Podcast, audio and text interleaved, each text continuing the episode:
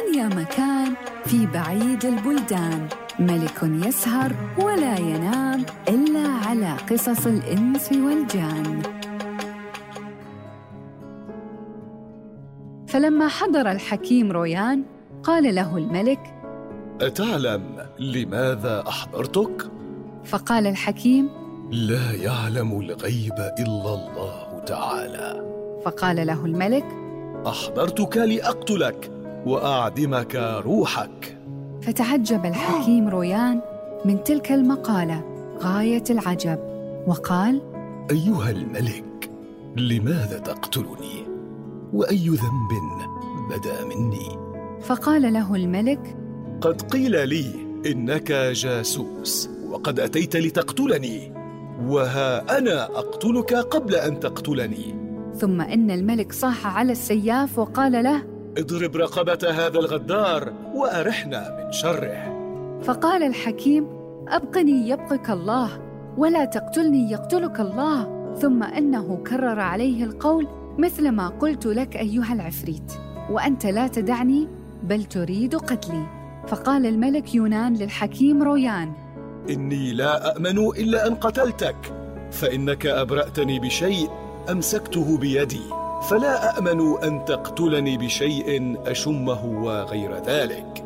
فقال الحكيم أيها الملك أهذا جزائي منك؟ تقابل المليح بالقبيح. فقال الملك لا بد من قتلك من غير مهلة. فلما تحقق الحكيم أن الملك قاتله ولا محالة بكى وتأسف على ما صنع من الجميل مع غير أهله. وبعد ذلك تقدم السياف وغمى عينيه وشهر سيفه وقال إذن. والحكيم يبكي ويقول للملك ابقني يبقيك الله ولا تقتلني يقتلك الله. وأنشد قول الشاعر نصحت فلم أفلح وغشوا فأفلحوا فأوقعني نصحي بدار هوان فإن عشت لم أنصح وإن مت فانعلي ذوي النصح من بعدي بكل لسان ثم إن الحكيم قال للملك أيكون هذا جزائي منك فتجازيني مجازاة التمساح؟ قال الملك وما حكاية التمساح؟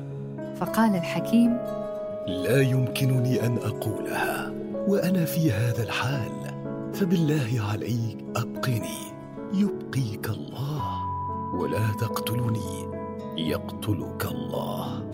ثم إن الحكيم بكى بكاء شديدا فقام بعض خواص الملك وقال أيها الملك هب لي دم هذا الحكيم لأننا ما رأيناه فعل معك ذنبا وما رأينا إلا أبرأك من مرضك الذي أعيا الأطباء والحكماء.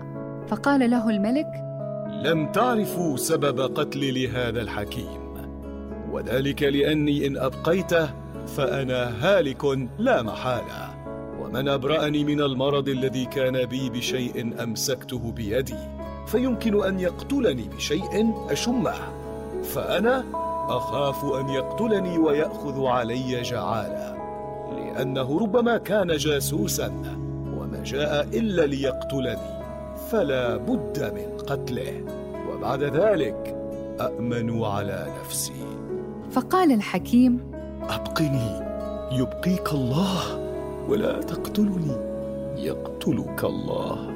فلما تحقق الحكيم أيها العفريت أن الملك قاتله لا محالة قال للملك أيها الملك إن كان لابد من قتلي فأمهلني حتى أنزل إلى داري فأخلص نفسي وأوصي أهلي وجيراني أن يدفنونني وأهب كتب الطب. وعندي كتاب خاص الخاص أهبه لك. هدية تدخره في خزانتك. فقال الملك للحكيم وما هذا الكتاب؟ قال الحكيم فيه شيء لا يحصى وأقل من فيه من الأسرار أنك إذا قطعت رأسي وفتحته وعددت ثلاث ورقات ثم تقرأ ثلاثة أسطر من الصحيفة التي على يسارك فإن الرأس تكلمك وتجاوبك عن جميع ما سألتها عنه فتعجب الملك غاية العجب واهتز من الطرب وقال أيها الحكيم وهل إذا قطعت رأسك تكلمت؟ فقال نعم أيها الملك وهذا أمر عجيب ثم إن الملك أرسله مع المحافظة عليه فنزل الحكيم إلى داره وقضى أشغاله في ذلك اليوم وفي اليوم الثاني ثم طلع الحكيم إلى الديوان وطلعت الأمراء والوزراء والحجاب والنواب وأرباب الدولة جميعاً وصار الديوان كزهر البستان. وإذا بالحكيم دخل الديوان ووقف أمام الملك ومعه كتاب عتيق ومكحل فيها ذرور وجلس وقال ائتني بطبق. فأتوه بطبق وكب فيه الذرور وفرشه وقال أيها الملك خذ هذا الكتاب ولا تعمل به حتى تقطع رأسي. فإذا قطعتها فاجعلها في ذلك الطبق وأمر بكبسها على ذلك الذرور. فإذا فعلت ذلك فإن دمها ينقطع. ثم افتح الكتاب. ففتحه الملك فوجده ملصوقا فحط إصبعه في فمه وبله بريقه وفتح أول ورقة والثانية والثالثة والورق ما ينفتح إلا بجهد. ففتح الملك ست ورقات ونظر فيها فلم يجد فيها كتابة.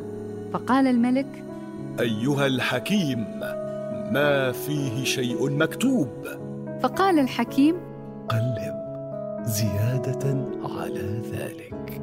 فقلب فيه زيادة فلم يكن إلا قليل من الزمان حتى سرى فيه السم لوقته وساعته.